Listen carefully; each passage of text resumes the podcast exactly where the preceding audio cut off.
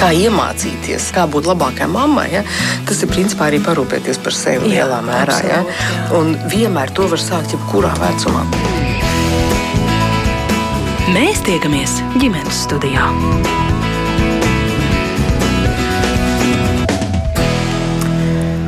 Labdien! Savu skanējumu sāk Latvijas radio viens ģimenes studija, un turpmāko stundu ar jums kopā šeit būs es Agnese Link un arī viss šī rādījuma radošā komanda. Kāpēc bērns lielās? Kādu vajadzību kompensēšana vai apmierināšana tā ir, vai uz šīm izpausmēm var palūkoties arī no kādiem citiem aspektiem un ko darīt, sastopoties ar kādu, kam ir sevišķi svarīgi padižoties. Par to mēs runāsim šodien ģimenes studijā, un kā vienmēr jūs klausītāji esat laipni aicināti pievienoties sarunai ar saviem jautājumiem, komentāriem vai pieredzes stāstiem, ja tādi rodas, jo sevišķi esat saskārušies ar to, ka jūsu bērns ir lielībnieks vai arī kāds no jūsu bērnam tuvu stāvošiem vienaudžiem pēc pēkšņi izceļas ar eh, šādu mm, vajadzību, tad atrakstiet mums eh, droši no Latvijas radio mājaslapas eh, radījumam ģimenes studiju, bet manas sarunu biedrenes šeit šodien ir mākslas terapeita, psihoterapijas speciāliste Zana Veitnere. Labdien! Labdien! Un arī uzvedība LV veidotāja Līga Bērziņa. Sveiki! Labdien! Es gribu sākt ar jautājumu, kas vispār ir lielīšanās. Nu, kas tas ir? Tā ir kāda vecuma posma īpatnība, vai personības iezīme, vai temperaments, vai varbūt nepieklājība, vai um, milzu pašapziņas izpausme. Nu, jūs turpiniet! Jā, kas ir lielīšanās? Tas ir tāds um, interesants jautājums. Um, es arī meklēju atbildi uz to. Bet tas ir saistīts, manuprāt, um, šīs atbildes būtu saistīts ar bērnu vecuma posmu. Uh, jo, pieņemsim, pirmskolas vecuma posmā bērni bieži iedomājās, ka viņi tur ir krokodili vai supermeni, un viņi lielās ar šīm spējām, un viņi patiesībā pat iemieso uh, šīs spējas, un viņi līdz sirds dziļumiem tic, ka viņiem šīs spējas piestā, eksistē, un viņi arī viņus arī prezentē un stāsta. Tad uh, lielākā vecumā tas ir saistīts arī, var, tas varētu būt saistīts arī ar pašvērtējumu vai arī ar uh, kādu sabiedrības uh, novā, nu, veidu, kā kā lai pasakā, nu, mēs sabiedrībā nevā, mums ir nevēlama īstenībā. Latviešiem, manuprāt, nu, es tā uzskatu, ir nevēlama lielīšanās. Tad ir ģimenes, kurās lielās, nu, viņi ir pašpārliecinātāki lielās, un tad aizejot, piemēram, uz skolu lielīties, tad tas tāds uh, netikums. Jā. Nu, jā, jo pieticība ir tas jā, mūsu jā, tikums. Jā, pieticība ir tas mūsu, uh, bet uh, nu, šobrīd, kad tās mantas ir ļoti daudz, un kad bērni ļoti daudz redz reklāmas, un ka viņiem gribās kaut ko konkrētu, viņi palielās par to, ka viņiem ir tā manta vai nav tā manta. Svarīgi, man liekas, būtu jautājums, vai tās attiecības pēc tam tālāk aiziet um, tālāk citā gultnē vai tikai uz to lielīšanos. Tur, man liekas, ir tā problemātika, kad um, par lielīšanos jau viņas tādā iestrēgst. Bet, uh, manuprāt, ka lielīšanās ir saistīta ar uh, pašapziņu. Cik pašapziņīgs es esmu, kas man vēl piemīt, bet, uh, kādas man ir īpašības, cik es labi iedaros sabiedrībā. Jo arī pieaugušie lielās par iPhone, par telefoniem, par pulksteņiem labākiem, smalkām par mašīnām, par smalkām mašīnām, par dārgām mašīnām. Ja. Tā kā katram no mums tas piemīt, un um, jautājums ir, kādu uzsvaru mēs to uzliekam. Nu, tas būtu tāds īsts, varbūt komentārs no manas puses. Mm. Jā, nu, es arī varu tikai piekrist, jo mēs esam pamanījuši, ka visiem mums vai no nu, bērnībā ir bijis, vai arī tagad arī pieaugušo dzīvē mums ir kādi no bērna, jaunieši, pieaugušie, kuriem ir aizraujoša dzīve. Un te ar to aizraujošo dzīvi mēs uzreiz pamanām, kur tā ir tā smalkā robeža, kur beidzas lepošanās kas mums ir jāmācās. Mums ir jāmācās sevi pasniegt. Un kur sākās lielīšanās? Un tad šī te, šo lielīšanos ir tā, ka jūs zinat tos kaitinošos uh, nedaudz vai ļoti kaitinošos pieaugušos bērnus, kuriem ir tā kā, piemēram, tu pasaki, o, zini, kā vispārībā es redzēju krītošu zvaigzni. Un viņš saka, bet tu zini, kas notika augustā man, vai tu zini, kas notika vakardien? Es tur biju tādā zvaigžņā. Es redzēju trīs. Es redzēju trīsdesmit. Un tu viņam tālāk saki, jā, zini, kā vispār man notika tik briesmīgs negadījums. Es salauzu salauzu kāju, un viņš saka, bet tu zini, kas man notika pirms 15 gadiem? Es salauzu divas kājas, un nezinu, kā, un es vēl paralēli rokas salauzu, un zini, kā, un man bija tik, tik briesmīgi. Un, tad, un, un, tad, un šis ir tas brīdis, kad mēs saprotam, ka šis vairs nav veselīgi. Ja, jo tāpēc, ka tas, ko bieži vien šie no lielībnieki nepamana, ir, ir tas, ka, jā, ka tas tie ir pašapziņas jautājumi, ja, ko tu jau arī minēji iepriekš, un vēl viņi nepamana to, ka tādā veidā viņi atsvešina sevi. Jo parasti tu jau esi pamanījis, ka sarunā, tā, kad tu sāc lielīties un tu pasaki kaut ko par sevi, tad visi apkārt apklust. Un saruna vairs neturpinās. Jā, un tad tu tā sēdi, oh, es tur tāds viens un tāds vientuļš, neviens ar mani negrib draudzēties. Un tad tev ir jāpajautā, kas tad, kas tad īsti šajā brīdī tajā sarunā notika, un mm. kur tad tā saruna aizvirzījās. Nu jā, līdz zināmam vecumam mēs tā neprotam pajautāt paši sev. Zana jau pieminēja pirmsskolas vecumu, jā, un, un lielīšanos kā tādu fantazēšanas sastāvdaļu. Par to varbūt nedaudz vēlāk mēs varam runāt. Vai ir vēl kādi vecuma posmi, kad lielīšanās bērniem kaut kādu iemeslu dēļ kļūst īpaši aktuāla? Es tagad iedomājos tādu vecumu posmu līdz 4. klasē, kad um, bērni um, nu, ap 4. klasi, 5. un 4. klasi viņi sāka atšķirt, ka tas, kā es uzvedos, neesmu es pats ka es esmu, ja es varu uzvesties slikti, um, bet es esmu labs cilvēks tad līdz tam laikam iespējams tā lielīšanās varbūt pat nav, ja mēs domājam par to separāciju, par to iekšējo balsi, ka tā ir tāda uzvedības daļa, ko viņš pat varētu būt, ka viņš tā nu, nefiksē kā, kā tādu uzvedību, kas būtu koreģējama vai slikta. Viņš vienkārši to dara. Un tad pēc, tās, pēc tā vecuma posma tad jau var sākt domāt, var sākt mācīt, kad ir nu, situācijas vai ir lietas, pēc kurām var atpazīt, ka tā lielīšanās tiešām ir atsvešinājuši no sarunas vai nepalīdz veidot sociālo dialogu, vai kaut kādā veidā uh, kompensē kaut ko. Vai, piemēram, reizēm jau gribas palielināties, tāpēc, lai uh, nu, skaudība nav, skaudību kaut kā apslāpēt sevi, vai žēlumu par to, ka man nav. Uh, man, man ienāca prātā, ka tas varbūt arī ir saistīts ar to reizēm kaunu, kad man nav, tad es palielos, jā, pafantazēju, ka man būtu. Um, Uh, Kā, nu, man ir kolēģis, kurš ir stāstījuši, ka bērni fantazē, nu, viņi nesatiekās, piemēram, šķirti vecāki, nesatiekās ar tēti, un tad, kad satiekās, tad viņi fantazē, ko viņi nav darījuši ar viņu. Ja? Respektīvi, eh, kaut kādā veidā kompensē piedzīvot to fantāzijas eh, brīdi, eh, tajā stāstā vismaz ieliek to, ko viņš gribētu piedzīvot ar to vecāku, bet nav piedzīvojis. Ja? Viena, viena brīnišķīga, viena no manām mīļākajām bērnības grāmatām man ienāca tik tikko Zanai runājot prātā par to nesatikšanos un kompensēšanu.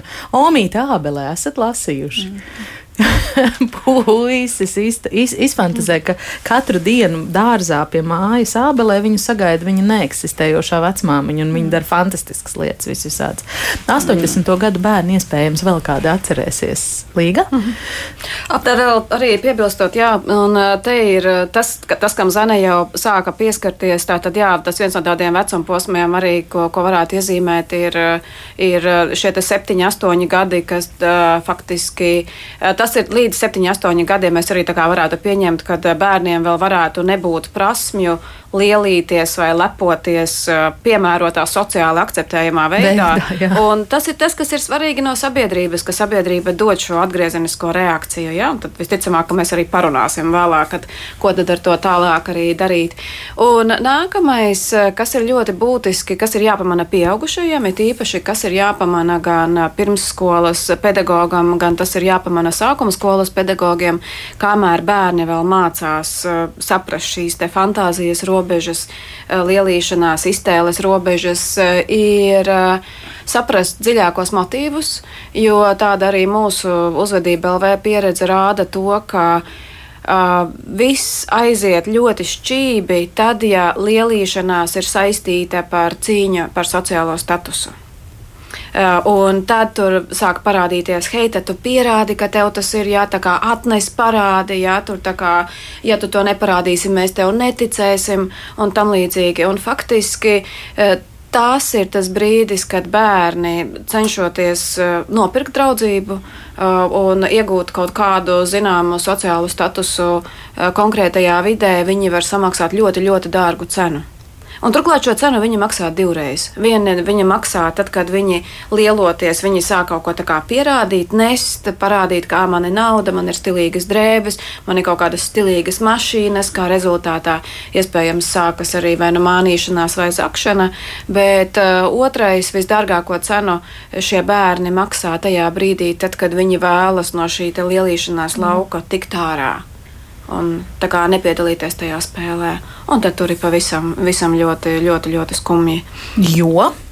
Tāpēc, kad uh, Jā, tā ir lielīšanās dēļ sociālā statusa. Tad šajās grupiņās, jau arī bērnu dārzā un arī klasēs, jau ir izveidojušās tādi, nu, tādas mikrogrupas vai tādas kliķes, kuras tā pieprasa, kad rekur atnes man šo, tad tu būsi mūsējais, jā, un tā kā pierādi, ka tu esi tik bagāts un tāpēc nopērc mums šo. Un faktiski tajā brīdī, tā, kad tas bērns cenšas nu, kā, kāpties no tās lielīšanās ārā, tad viņi citreiz saka, redzi, kā mēs jau jau teicām, ka tu meloji, ja mēs jau teicām, ka tu to nevari. Un tad eh, ļoti bieži šis grupas tā enerģija tiek eh, pavērsta mm. pret to konkrēto bērnu, un tajā brīdī jau mēs varam sākt runāt par vardarbību. Jā, es, es tieši domāju, jūs ļoti labi aprakstījāt to situāciju, kas notiek, ja mēs pieaugušie neievērojam, par ko bērni runā, vai kas viņiem ir svarīgs sabiedrībā. Katram klasē ir vismaz viens bagāts bērns, kuram ir ļoti apzinīgs tētis, kas ir nopircis visus iespējamos gadgetus, tāpēc, ka viņš vienkārši tāds ir. Viņš, un tad tas bērns nāk un lielās, un ja tie pārējie nevar to tēmu kaut kā pārlikt, tad mēs kļūstam par tādiem mobbinga upuriem vai tāda mobbinga raž, ražotājiem. Ja? Jo tad viss, kas ir svarīgs, ir šīs mantas vai šīs lietas. Un, un tad tā lielīšanās. Um, Jo mēs runājam par lielīšanos, par mantām. Ja. Tad tā lielīšanās jau ir tāda, ka es pats to nevaru ietekmēt, tas nav mans raksturs. Un, uh, un, un tad uh, viņi, protams, paliek tādi hiperlieli. Ja. Man tur tas, man tur tas, es nevaru pierādīt. Ja. Un tad sāk dominēt ļoti interesantas vērtības šajā konkrētajā grupā. Līdz ar to, bet nu, pašā sākumā ir skaidrs, ka, tā, ka tās vērtības ir nepareizas, un uh, viņa tā grupa, nā, viņai nāksies sajukt, nu, viņai nāksies uh, atdalīties vienai no otras, jo viņi šādā veidā attiecības nevar izveidot. Tas ir viens posms, kuram iziet cauri, un tad ir tie bērni, kuri jūtas ļoti vientuļi tajā klasē, jo viņiem nav, viņi to lēnām pārdzīvo, un tad viņi iegūst tādas īstākas draudzības. Bet uh, tā tas ir. Um, nu, es zinu, ka bērngārzā, nu kā kuram skaistāk kleita nu, kuram kuplākas kleitas meitenēm un meitai bija. Un tad bērnam bija noteikums, ka nedrīkst, nu, ka, tā, ka tas nav veids, kā mēs veidojam attiecības. Uh, jā, tu vari atnākt tur svētkos ar to kleitu, tad mēs visus apbrīnojam, bet tas nav tāds veids, kā mēs veidojam attiecības. Un tad tie pieaugušie ievēro šīs robežas. Pirmklasnieki nenāsā telefons skolā, tāpēc, ka to, ko viņi dara, viņi lielās, kuram tur ir iPhone, kuram tur ir Nokia ar podziņām. Un, uh, Tas ir arī viņu veidu, kā, uh, veids, kā komunicēt, kā uh, nu, atrast kontaktu. Jo, manuprāt, ir ļoti uh, viņi bērni, tomēr viņi ir sociāls būtnes, kā mēs visi, un viņi meklē kontaktu. Un svarīgi ir saprast, kā viņi to kontaktu atrod. Mm. Jā. Es Zanas teiktajā vēl atgriezīšos. Ceru, ka nesajukšu, mm. neaizmirsīšu pie frāzes pārlikt šo tēmu. Tu teici, mm. ja mēs nepalīdzam, vai ja mēs pieaugušie nepalīdzam viņiem pārlikt šo tēmu, tad notiek tas un tas. Par to vēl pēc eh, brīža, varbūt citā vecuma posmā, tam pievēršoties, bet eh, mūsu sarunai ir eh, arī savu šī brīža pieredzi. Tūdaļ pievienosies vēl kāda māma. Ineses dēlam ir deviņi. Un stipri, stipri lielīties, līdz ar to arī it kā noniecinot otru, ir sācis dēla labākais draugs. Paklausīsimies māmas stāstā. Runa ir par deviņgadīgiem puikām, kas viens otru pazīst uh, jau no viena gada vecuma un bijuši labākie draugi jau astoņus gadus. Līdz ar to nu, viņi daudz kopā pavadīja laiku un daudz spēlējas un tā. Tepat kaimiņu puikas. Nu, jā, un tagad kaut kad vasarā sākās tāda tendence, ka tas kaimiņu puika vienalga, ko saka, viņam viss ir vairāk, viņam ir uh, vi, viss ātrāk. Uh, vienalga, kas notiek, tad vajadzīgs, ka viņš kaut kādā veidā izspēlē to savu, es nezinu, vai kaut kādu uzmanības nepieciešamību vai svarīguma nepieciešamību vai kā. Un tad ir tā, ka mēs braucām laukā ar riteņiem spēlēties, un tad, nu jā, nu viņam ritenis ir lielāks, pie Omas ir lielāks ritenis, to jau, ka viņam mājās ritenis mazāks, to mēs varam redzēt. Ja. Vai arī mans puika aiziet tikko pie friziera. Jā, viņš arī ir bijis pie friziera, viņam esot labāk nogriezt, bet nu, skaidrs, ka nav bijis pie friziera. Un tā, un tad, tad ir tādas situācijas, kad ir tā delikāti jāmēģina izrunāties. Nu, es cenšos tādā pārvērst, nu, nu tu tā mazliet āksties, vai ne? Vai arī tā kā mans puika kaut par kaut ko pārdzīvot, tad cenšos teikt. Nu, tu jau zini, ka tenisam patīk tā palielīties un tā, ka, vai izdomāt kaut ko, kas nevienmēr ir patiesība. Jūs sakāt arī, ka jūsu puika par to pārdzīvo, ka viņš to ņem pie sirds. Nu, jā, tāpēc, ka ir tā, ka nu, vienalga, ko tu saki, nu, man, manējais saka, nu, nu, teiksim, ka viņam ir kaut kāda vai jauna rotaļlieta vai kas, un tad visu laiku tavs ir nekas, man ir vairāk, man ir labāk. Tā vēlme noniecināt, iet roku rokā ar to lielību. Nu, ka tad, kad cenšas uztaisīt, ka nu, nu, tavs jau nekas, man ir, man ir lielāks ritenis, es varu ātrāk, vai es varu tur noiet vairāk, vai kaut ko. Un tad jau ļoti bieži jau praksē redzams, ka nav ne, ne tur vairāk nekā. Bet uh, manam puikam loģiski viņam ir tā, tā sajūta, ka viņam kaut kā nu, ka, ka nepietiekami vai kaut kā nu, nav gana labi. Un, un tas jau loģiski atstāja iespaidu uz, uz bērnu un, un to, kā viņš uztver to visu to situāciju. Nu, tad loģiski tas ir jāizrunā arī, arī ar manu puiku. Kā jūs viņam to izskaidrojat, kā viņš uztver pieņemtos jūsu skaidrojumus? Ne, nu, runa ir par manu dēlu labāko draugu, ko viņš zina daudzus gadus. Negribas jau tur nekādus konfliktus vai kaut ko, ja, bet nu, vairāk jau ir tā, ka. Nu, Ai, nu, tu zini, viņš jau mazliet ākstās, vai nu, viņš tur bišķi piedomā. Nu, tu taču pats redzi, ka tā nav taisnība. Nu, tā, bet nu, loģiski, ka tad, kad tie bērni augs un ja tas viss tā turpināsies, nu, diezko veselīgi jau tas viss ne, neizvērtīsies. Nu, es esmu runājusi arī ar, ar mammu par šo situāciju, un, un, bet nu, to, to, to jau mēs labi redzam, ka viņiem ģimenē tā situācija ir tāda, ka te, viņu tētis tā dara. Viņš ir tāds, diezgan tāds izteikts uh, ar šādu raksturu, ka, ka viņam vienalga, kas viņam viss ir krūtāk un labāk un ātrāk un tā tālāk. Un var arī redzēt, ka tas puisis vienkārši kopē to, to tētu uzvedību. Tur jau neko darīt. Tad jau nereti tas ir saistīts arī ar finansiālu dižošanos un tādām ietekmēm, nu, ka mēs esam spiesti domāt par to, kā tam uh, savam bērnam varbūt arī gādāt kaut ko tikpat uh, dārgu, foršu, varbūt materiāli vērtīgu, kā ir tam otram, jo nu, mazajam cilvēkam jau gribās būt līdzvērtīgam. Šajā gadījumā tas ir pavisam savādāk, jo tas mana dēla draugs, viņi, viņi nav diezko turīgi vai superbagāti vai kā viņš ir augumā pat mazliet mazāks nekā mans puika. Un ļoti bieži tā, ka tās drēbes, ko, ko manējais nenovalkā līdz galam, tiek atdotas viņam valkāšanai un tā tālāk. Tur nav tāds, ka, ka mums kaut kādā veidā būtu jāsacenšas vai jātiek līdz tam labākam, smalkākam, jo tas ir izdomāts. Tie pat nav fakti. Tas nav tā, ka tas noteikti tā būtu, vai, vai tas nāk no kaut kādas labklājības situācijas. Vienkārši tas, ka man liekas, ka bērnam drīzāk vajag uzmanību un, un kaut kādu tādu sajūtu, ka viņš ir tāds svarīgāks, ka viņš ir saredzēts kaut kādā veidā, ka viņam vajag, vajag, vajag būt saredzētam par kaut ko. Turpat nav finansiālais.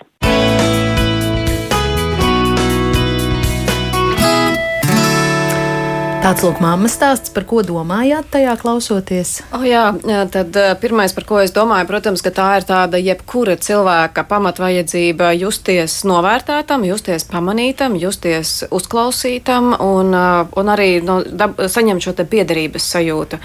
Un tā trauslā atšķirība, protams, ir no tā, ka no, faktiski deviņus gadus vecam bērnam ir tomēr vērts pateikt, ka Bērni ar veselīgu pašapziņu parasti meklē veidus, kā palepoties vai kā pastāstīt par sevi tā, lai neliktu citiem justies slikti.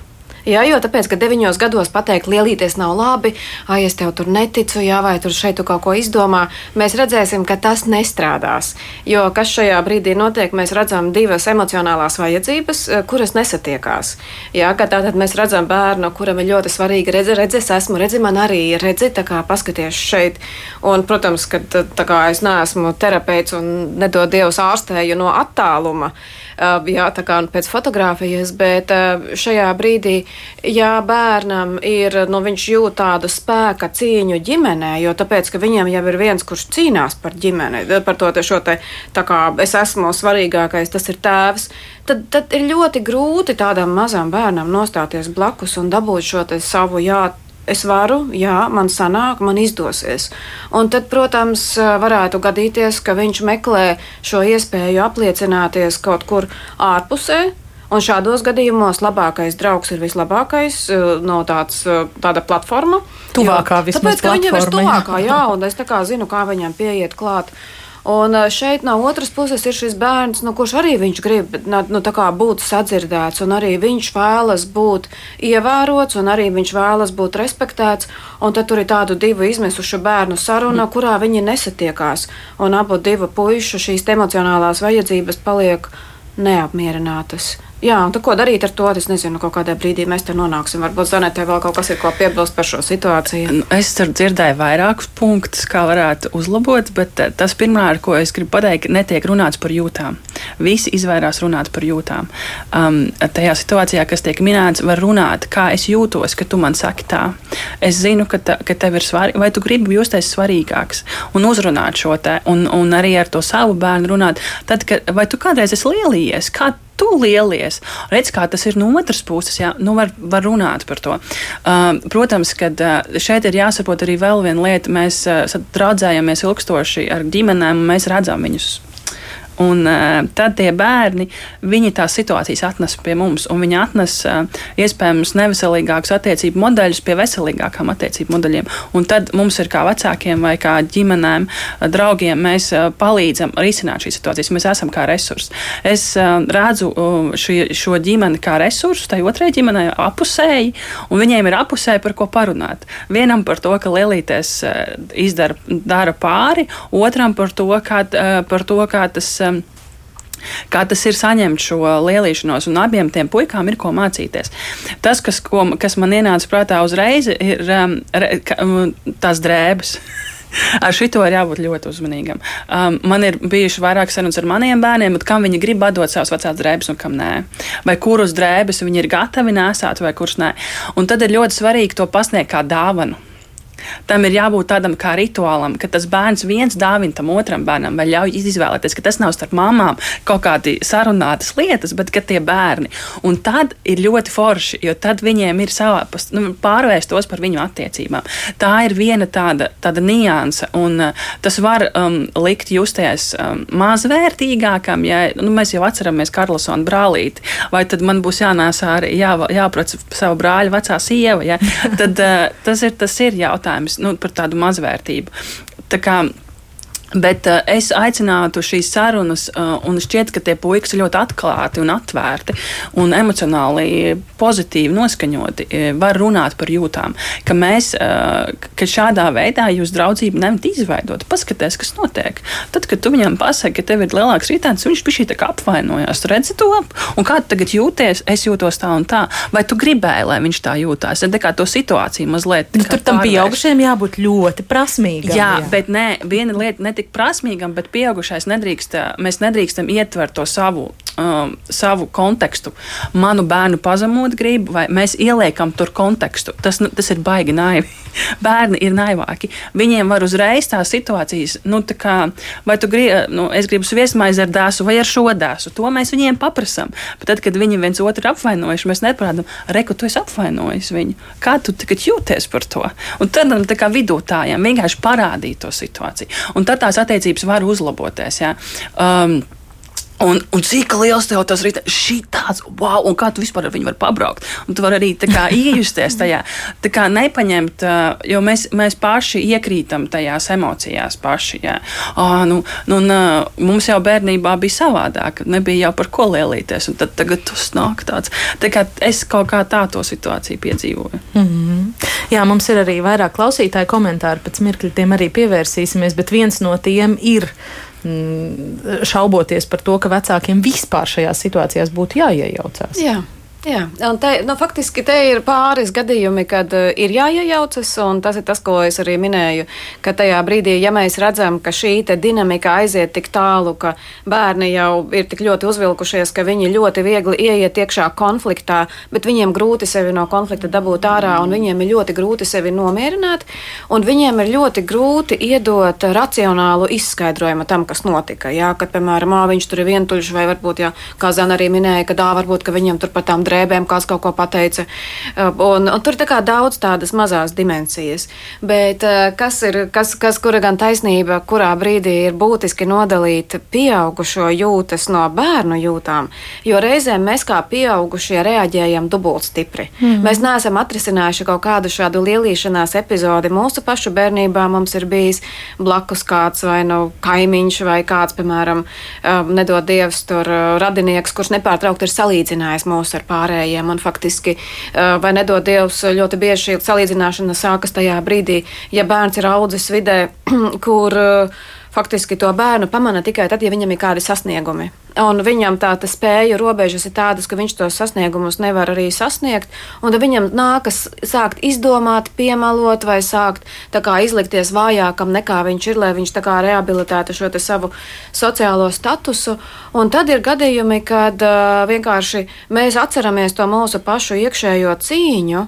Un tā kā mēs ieraugām, ka mūsu bērns tam iet vēlreiz cauri, mēs tajā visā metamies iekšā ar tādu dubultu spēku un dubultām emocijām, bet No parasti tomēr šī ir tāda, tāda dabiska dinamika, un mēs esam jau pamanījuši, ka, ja tā draudzība ir īsta, tad puiši parasti pasmējās. Nu, arī meitenes.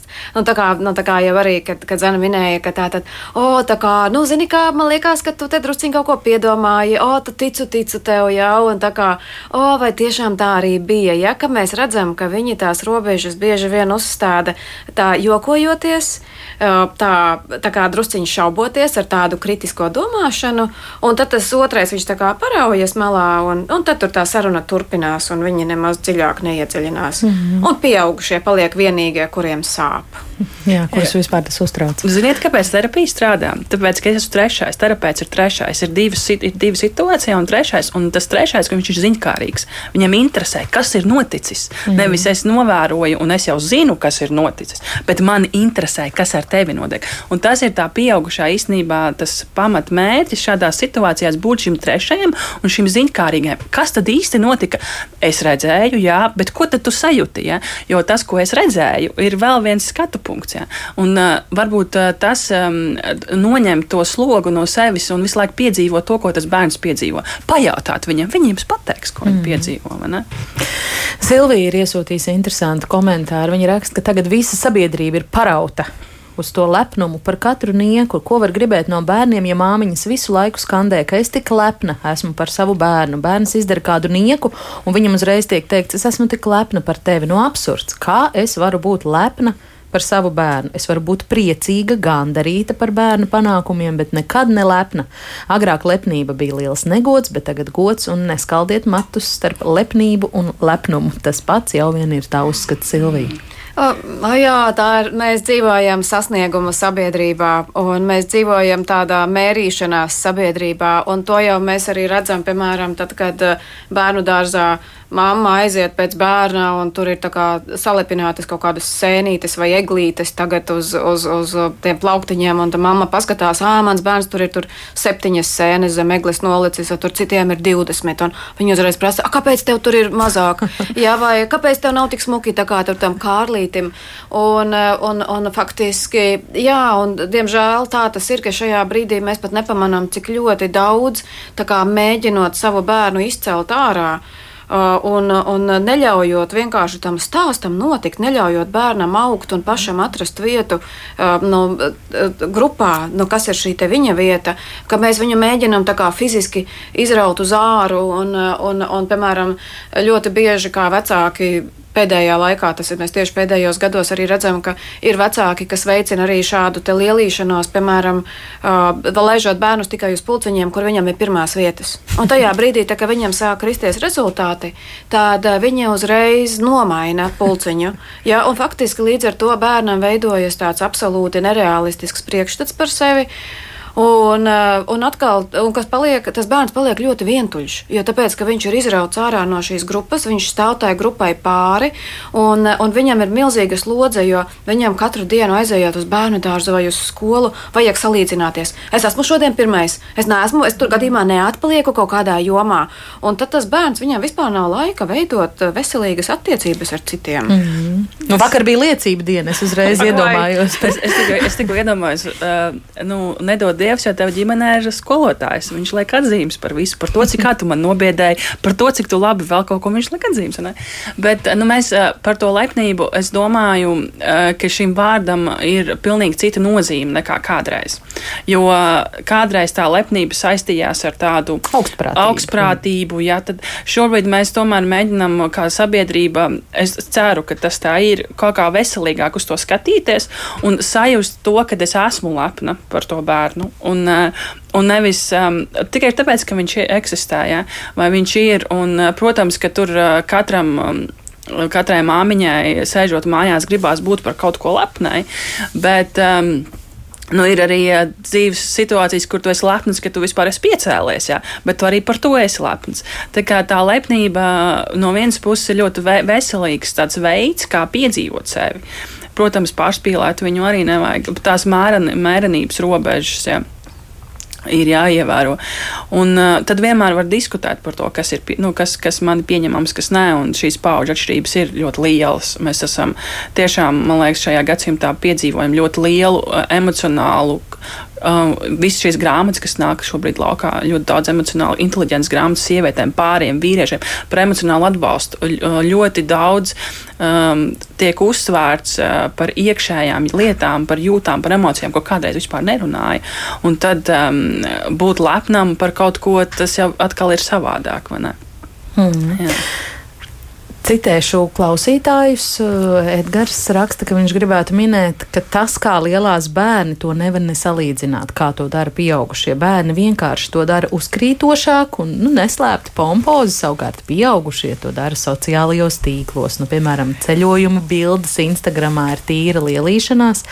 Edgara prāta un Agita piebilst, eh, un tad šie mazie bērni izaug, un katru nedēļu mēs viņus tagad jau lielus bērnus redzam dzeltenās preses izdevumos, kā teica viens mans paziņš, ievērot, tie taču ir kādi 10, 15 cilvēki, kuri tur katru nedēļu iet uz riņķi, un nebūtu ne tie, kuri dzīvē tiešām būtu ļoti daudz ko sasnieguši. Jautājums, kāpēc viņiem to tik ļoti uh, vajag? Un Alise ierosina parunājiet ar bērnu sporta komandu treneriem, sporta deju skolotājiem. Tur šajā ziņā ar vecākiem ir lielākas problēmas nekā ar bērniem. Mm.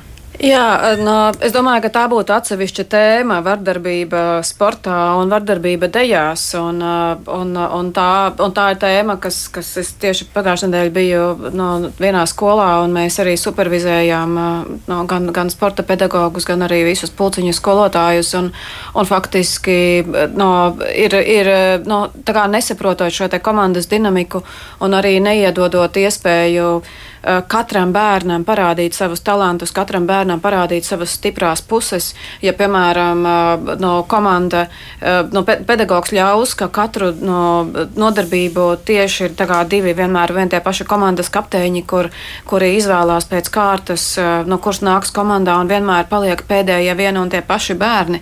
Faktiski tā ir tāda ārkārtīgi sistemātiska vardarbība un turklāt ne tikai pret tiem pēdējiem, jo, jo tāpēc, ka šajā brīdī arī no bērnu bērniem ir ārkārtīgi maz iespējas citiem iemācīties, ja jau tāpēc, ka jūs esat pamanījuši, ka tajā brīdī, tad, kad tie barveži izvēlās citu, citi arī negrib nākt eh, tajās komandās, arī tie, kas ir stiprākie, jo tāpēc, ka šīs te komandas parasti viņas saspēlējas savā starpā, viņas zina, eh, no kurām komandām būs vislabākais rezultāts, un viņi paliek ļoti neelastīgi.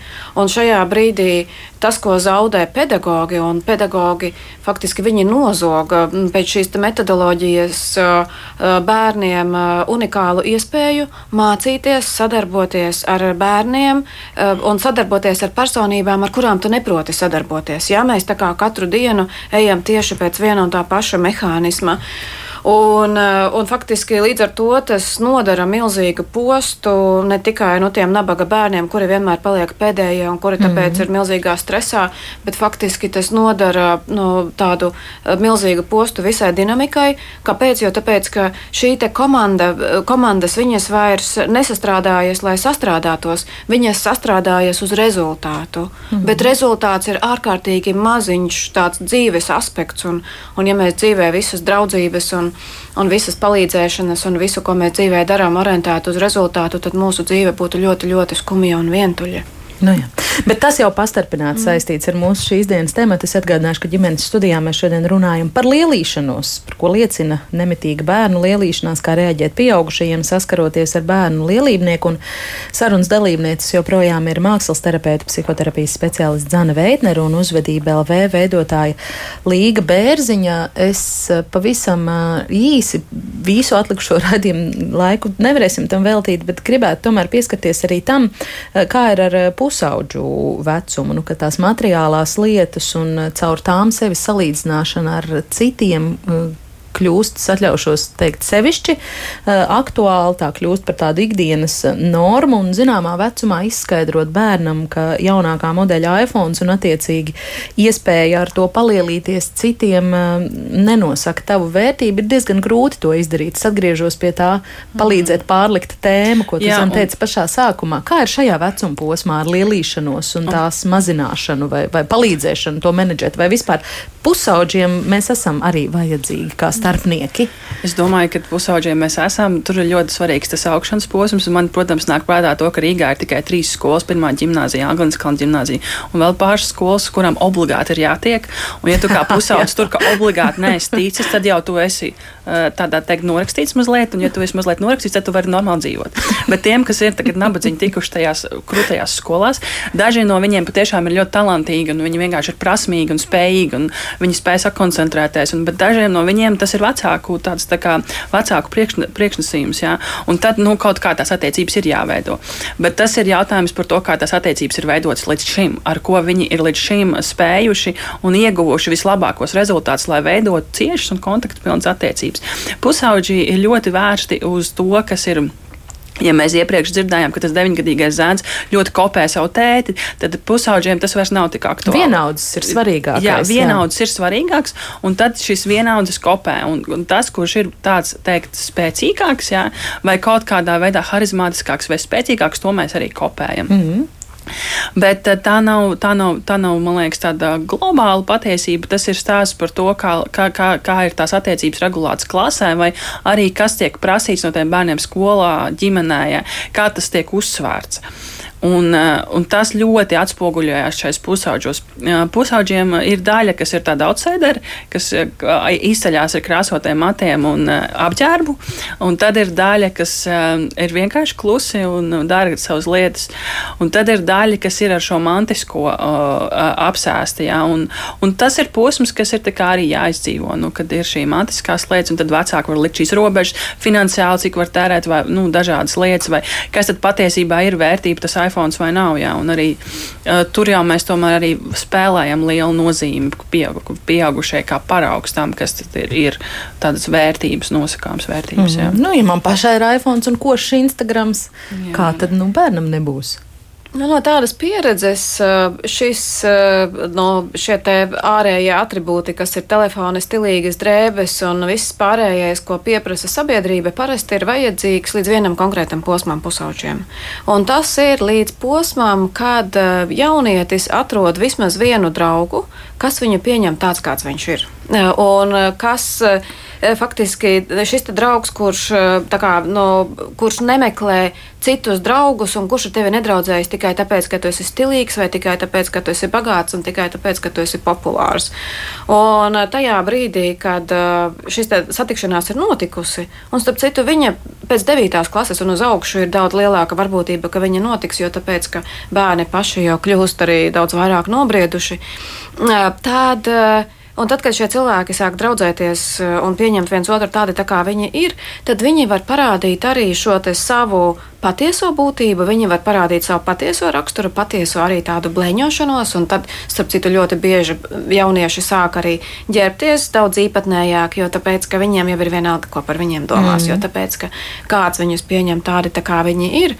Un eh, tad, eh, un tad, un tad viņi paliek tādi, tā kā viņi ir. Un tad, ar viņiem arī tagad, tur sākas tāds pozitīvais augšupejošais aplis, jā, kad, kad līdz ar to mm. viņiem arī šis apkārtējais viedoklis un sociālais spiediens paliek vienaldzīgs. Tas, ko es dzirdu, ko jūs sakāt, man mamma to formulē, ka tās ir pārējošas nepatikšanas.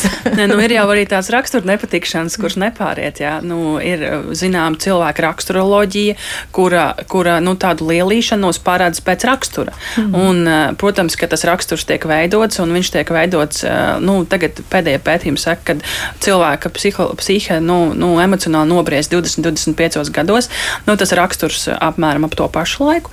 Tad, protams, tīņu gadu un jauniešu gadi ir ļoti svarīgi, lai sociāli iekļautos. Un šī sociāla iekļaušanās ir ļoti svarīga. Un tad nu, šī rakstura īpašības viņas iznāk ārā.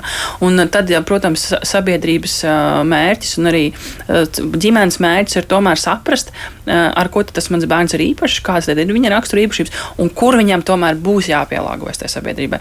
Nu, kur tiešām tiešām, ka šis punkts viņam ir svarīgs, bet tas viņam būs sāpīgs, ja viņš to neapgūs.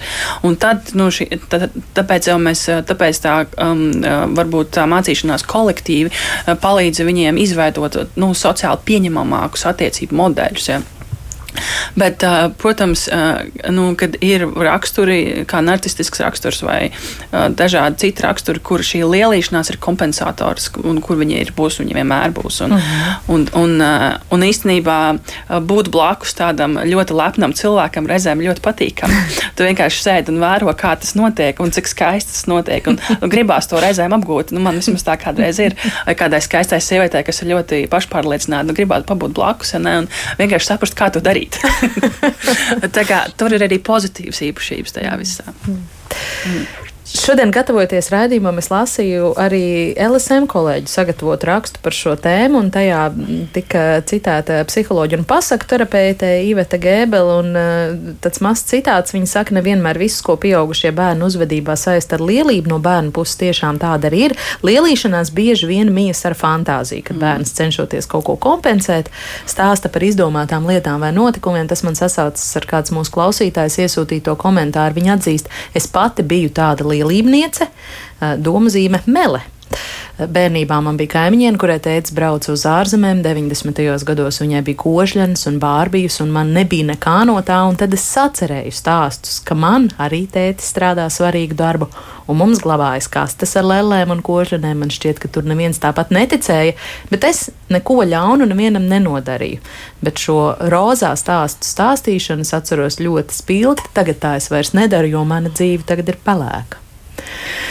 Nu, man jāmin Karlsons. Kas var skaistāk ielīties kā Karlsons? Vairāk kārtī esmu iedomājusies, jā, jā, par tām par 40 tvaika mašīnām. Jā, jā, jā, un par tām glaznām un par tām visām. Un, bet tā ir, redz, un ja mēs neņemam to brālīti, tad tāda Karlsons ir tāds kā iedomu draugs, un viņa psihē šis iedomu draugs ir ļoti vajadzīgs. Viņam šīs īpašības, viņš tā kā izstum viņas laukā, bet viņam patiesībā viņas ir ļoti vajadzīgas. Viņam vajag apgūt, ka, nu, apgūt pašam, kā tas ir, ka tas lielos. Un es īstenībā domāju, ka um, tie bērni tos draugus arī atrod ar tām pretējām īpašībām, lai varētu apgūt to lielīšanos, vai varētu apgūt kādas īpašības. Tikai um, jautājums ir, uh, lai neievaino viens otru. Un mm. tur ir tas jautājums, kad pieaugušiem iesaistīties vai nē, bet uh, es piedāvāju iesaistīties, bet kā šim trešajam, kā šim trešajam novērotājam un vienkārši neinterpretējot, interesēties, kā tu jūties par to un kā tu jūties par to. Ja? Mm. Un tad, tas, tad, tad jau var ap, apgūt kaut ko vairāk. Līga piekrīt? Jā, un te vēl viena tāda ļoti liela, nu, tāda būtiska lieta, kas ir arī, kāpēc bieži vien bērni lielās un kāpēc viņi lielās arī ar pieaugušajiem, jo reizēm bērni vēlas pārbaudīt arī pieaugušo reakciju un arī pieaugušo kritisko domāšanu. Un šajā brīdī rēķinieties ar to, ka ja jūs noticēsiet tad šai, kādai fantāzijai un noticēsiet tā pa īstam, ka jūsu bērni varētu būt arī ļoti, ļoti vīlušies jūsos, jo tāpēc, ka viņi domāja, ka jūs esat gudrāki.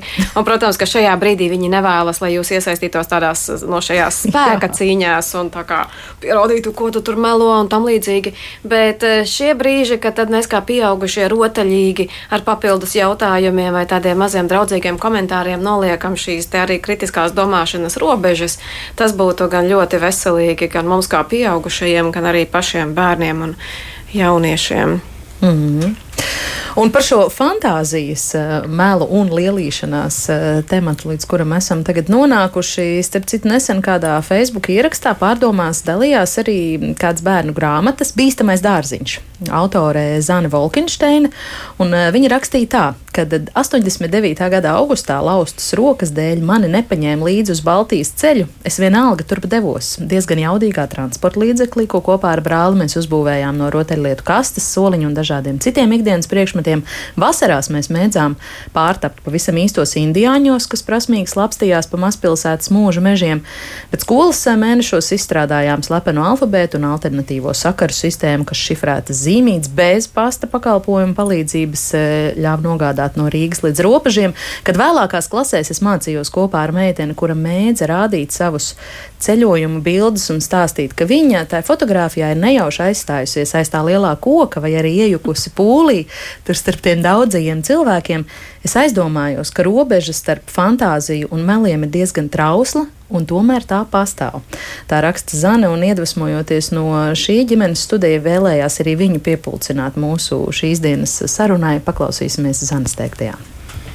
Man arī šī fantāzijas, izdomas, uh, mēlu tēma pēdējos gados ir aktuāla saistībā ar nu, pat jau iznākušo grāmatu Bīstamais dārziņš, kur uh, ir uh, vecākā māsa. Jēte, kurai bērnu dārza gaitas jau ir aiz muguras, un uh, nu, viņa iet jau skolā. Un savukārt mazajam brālim Bruno tūlīt, tūlīt šīs bērnu dārza gaitas sāksies. Un, tā kā viņam ir daudz nezināmā un ir šīs bažas, tad uh, māsa izklaidē brāli ar uh, uzmundrinošiem un piedzīvojumu pilniem stāstiem. Tur ir šie vairāki slāņi. Viens ir tas, ka, protams, uh, stāstīņi ir ārkārtīgi pozitīvi un jautri, un uh, dārziņš tiek attēlots kā vietu, kur piedzīvot prieku, sadarbību ar pārējiem kolektīvu biedriem un audzinātājiem. Un, attiecīgi, tiek raisītas šīs pozitīvās emocijas. Bet otrs ir, ka jau pirmo stāstīņu gaitā tiek doti mājiņi uz to, ka nez, nezinu, vai viss ir noticis tieši tā, kā māsa to atceras no saviem laikiem dārziņā ir arī tāds mājiens, ka iespējams pats brālis sāk saprast, ka, ka viņam tiek stāstīti ļoti aizraujoši piedzīvojumi, bet nezinu, vienmēr patiesi, jo viņš uh, uzdod tādus kritiskā domātāju cienīgus jautājumus, uh, kādēļ vienā piedzīvojumā zem dārziņa ir pagrabs ar keramikas pagrabu, bet uh, jau citu vakaru tiek stāstīts par to, ka zem šī paša bērnu dārza tiek izrakta slepenā eja. Un um, ap un par šo visu no vienas puses iedrošināšanu, fantazēt, ļaut uh, brīvu vaļu emocijām un izpaust tās, uh, domājot šos alternatīvos nobeigumus. Jo iespējams, ka situācijas, kas ģimenē tiek pārspriestas, piemēram, vakarā pie vakariņu gāda. Iespējams, tās ir patiesas, bet nu, fantāzija pieslēdzas tajā brīdī, kad bērnam ir iespēja izdomāt, kā tas viss varēja beigties. Un šī tēma man pašai šķita būtiska, ka no vienas puses mēs ļoti vēlamies, lai mūsu bērniem būtu dzīva fantāzija, lai būtu iespēja nedzīvot tikai šajā citu uzprogrammētajā pasaulē, kur visas spēles un noteikumi un viss ir skaidrs un viena klikšķa attālumā. Bet eh, jā, no otras puses, protams, ir eh, varbūt šīs mazās vecāku bažas, vai šī iedoma pasaule neaizies par tālu. Un šī grāmata ir viens no mēģinājumiem risināt šo, šo dilēmu, meklēt jau pieminēto robežu starp uh, fantāziju un meliem. Nu jā, un tajā lielīšanās piemērā, ko tu kādā uh, Facebook vietnes uh, ierakstā piemini par kādu skolas biedreni, kura reiz ir uh, stāstījusi par ceļojumiem, kuros viņa nemaz nav bijusi, vai arī tur var vilkt tādu robežu starp meliem, nu, varbūt tādu vēlmi padižoties, bet varbūt patiesībā fantāziju. Tas ir labs jautājums. Protams, domājot par šādiem gadījumiem, ir tas jautājums, vai pārējie, kas klausās šajos stāstos un skatās attēlus, vai viņi nojauš šos spēles noteikumus, vai viņi saprot, ka viņi piedalās fantāzijas spēlē, vai varbūt pēc interakcijas ar šādu skolas biedru viņi nonāk mājās un cērt kāju, kāpēc Es nedēļas nogalē nebiju Ņujorkā. Droši vien šī apzināšanās, eh, kas ar šo komunikāciju tiek eh, panākts, varētu būt tā atbilde, jā, vai, vai tā ir fantāzija, vai tā ir spēle, vai, vai tie ir meli, vai tā ir cenšanās izcelties. Viena lieta, kas šajā sakarā man rezonē, ir tā, ka vienmēr ir uh, vismaz šie divi uzvedības modeļi. Un, ja kaut kur klasē ir lielīpnieks, tad kaut kur citur uh, būs tas bērns, kas teiks, man gan nesenāk, un es jau neko. Un uh, ka varbūt ir brīži, kad ir jārunā par šo lielīpnieku motivāciju, bet citreiz ir savukārt uh, tieši jāmotivē pārāk paškritisks cilvēks, varbūt tieši pacelt to degunu un palielīties, iespējams, pamatoti. Jo tas varbūt man kā mammai arī ir dažreiz bijis tāds moments, ko es esmu pamanījusi, ka kāds ir nospīdējis, un tad ir uh, kaut kā jāceļ tā sava bērna pašapziņa, jo viņš uzreiz uh, varbūt negribot salīdzinās ar citiem, kuri māki sev uzsist uz pleca.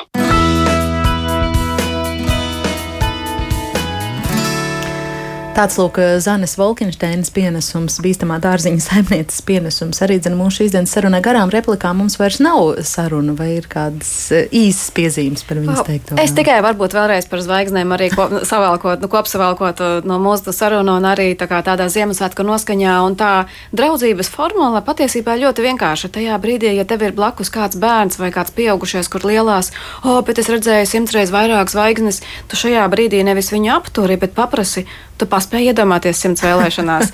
jā, tad, un kādas bija tavas vēlēšanās? Jā? Un viņš saka, nē, nē, nē, vēlēšanās nevar pateikt. Tad tu saki, nu labi, tad lai paliek tas tavs noslēpums, bet lai tev piepildās visas vēlēšanās. Mm. Un mēs paliekam kontaktā ar viņu, un mēs paliekam draugi. Mm. Ceru? Jā, var tikai piekrist.